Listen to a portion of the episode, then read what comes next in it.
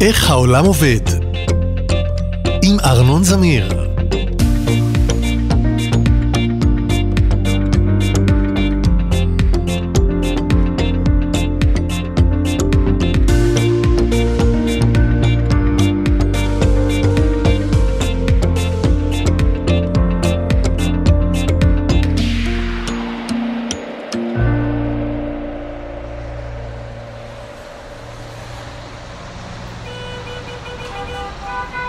אוף, אני אומר את זה כל פעם מחדש. אנשים פשוט לא יודעים לנהוג. הם נדחפים, הם לא מנומסים, הם חסרי סבלנות, הם צופרים כמו משוגעים, והכי גרוע, הם עושים תאונות. אבל לכל זה, כידוע, יש פתרון. המכוניות האוטונומיות, מכוניות שנוסעות בעצמן. כפי שאתם בטח יודעים, מכוניות אוטונומיות, כלומר, מכוניות שנוהגות בעצמן בלי שאף אחד יחזיק בהגה, מכוניות כאלה הן כבר בדרך. ישנן חברות בכל רחבי העולם שעובדות כבר הרבה שנים על פיתוח מכוניות כאלה. ומכוניות ניסיוניות כבר נוסעות בכמה ערים בעולם. כל החברות גם מבטיחות שבתוך כמה שנים נוכל כולנו לנסוע בלי לנהוג.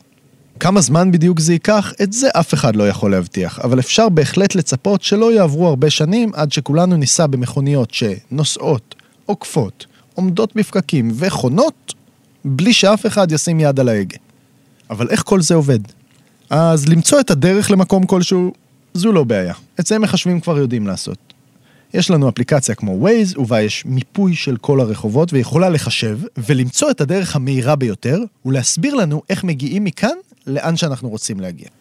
אבל כדי לבצע את ההוראות האלה, בשביל זה עדיין יש אדם שיושב ליד ההגה ושולט ברכב. המכוניות האוטונומיות פשוט מוציאות את הבן אדם מהתמונה ונותנות למחשב ישר לשלוט באוטו. זאת אומרת, למה אתה כל הזמן אומר לי פנה ימינה? תפנה אתה בעצמך ימינה. אבל כמובן, לא כל מכונית יכולה פשוט לנהוג בעצמה.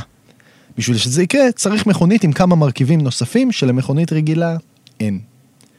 כשאני נוהג במכונית, הידיים על ההגה, הרגליים על הדוושות, הפודקאסט ברמקולים, איך אני יודע מה קורה בכביש סביבי?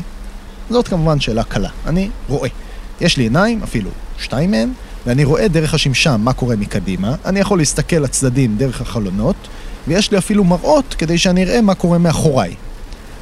אבל אני לא רואה הכל כל הזמן. אם אני מסתכל במראת הצד, באותו רגע אני לא רואה מה קורה לפניי. וכשאני מסתכל קדימה, אני לא רואה באותה שנייה מה קורה מאחוריי. וכמובן, אם במקרה יורד גשם, או שמזג האוויר מעורפל, או שפשוט יש חושך בחוץ, שדה הראייה שלי עוד יותר מוגבל.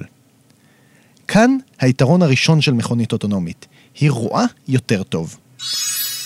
גם למכוניות אוטונומיות יש עיניים, זאת אומרת, יש לה מצלמות, והן מותקנות ומעבירות למחשב מידע על כל מה שהן רואות. ובניגוד אליי, המחשב לא מפסיק להסתכל קדימה כשהוא מסתכל אחורה. העיניים שלו, המצלמות, מכוונות לכל הצדדים כל הזמן. אז הוא לא יפספס את הרכב הזה שהגיח במפתיע מהנתיב הימני, כי הוא בדיוק יסתכל אחורה.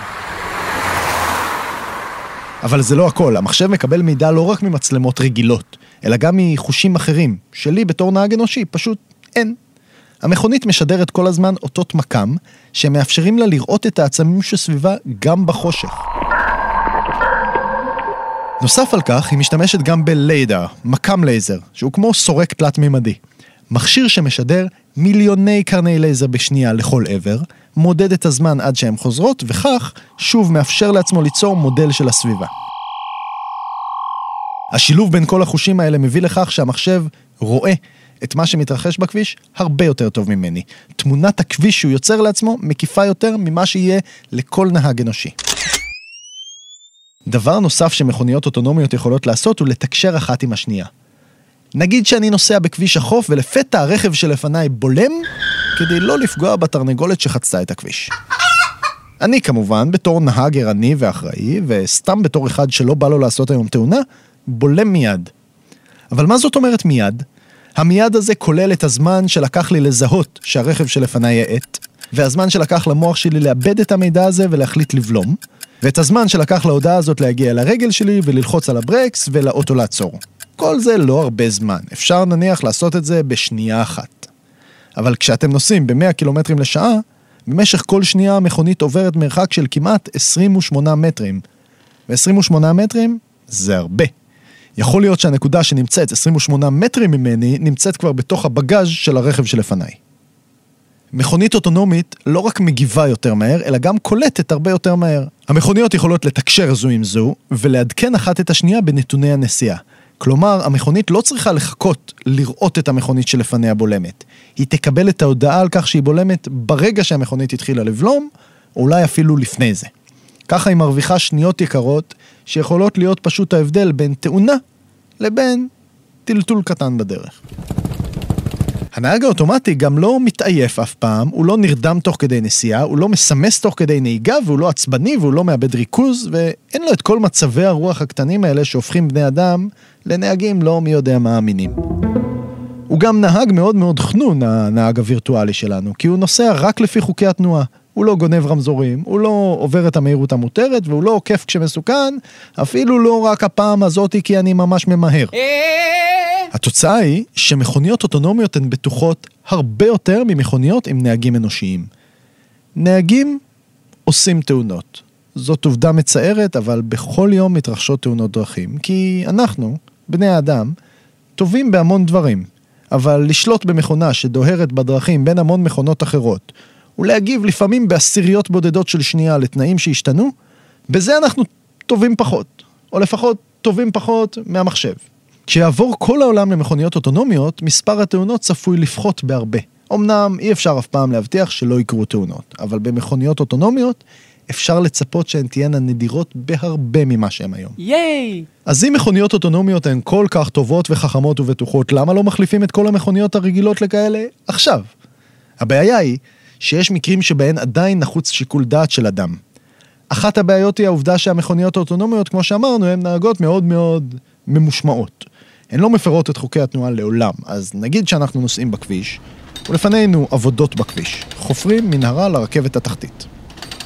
הציבו שלט אין כניסה, וכדי לעקוף, צריך לרדת קצת לשוליים, לנסוע כמה מטרים ולחזור. אני, בתור נהג אנושי, מבין את זה.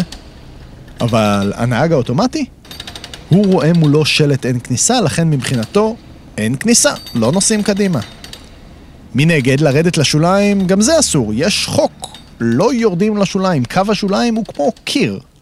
אז לדעתו של הנהג האוטומטי, הגענו למבוי סתום. הוא עוצר, והוא לא נוסע הלאה, מבחינתו הוא יחכה עד שיגמרו לסלול את הרכבת התחתית.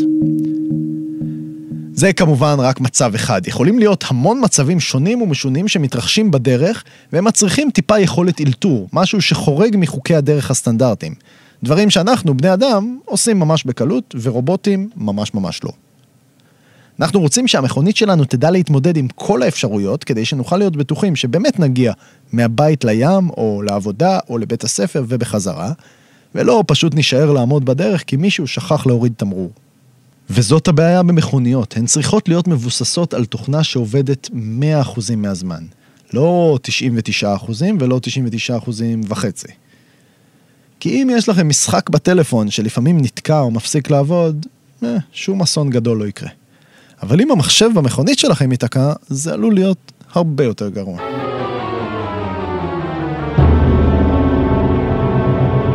בגלל זה, עדיין עובדים על כל העניין הזה עם מכוניות אוטונומיות. נכון לרגע זה אי אפשר עוד לקנות מכוניות שנוסעות בלי נהג, אבל חכו, רק עוד קצת. בקרוב סביר להניח שיהיה אפשר. ואז בזמן נסיעה לא נצטרך יותר להסתכל על הכביש, וכולנו, גם הנהג, נוכל לעשות מה שאנחנו רוצים. לקרוא, לשחק, אפילו לראות טלוויזיה. ואז נצטרך להתמודד עם הבעיה הכי קשה במכוניות אוטונומיות. אם כולנו נוכל לראות טלוויזיה באוטו, מתי נקשיב לפודקאסטים?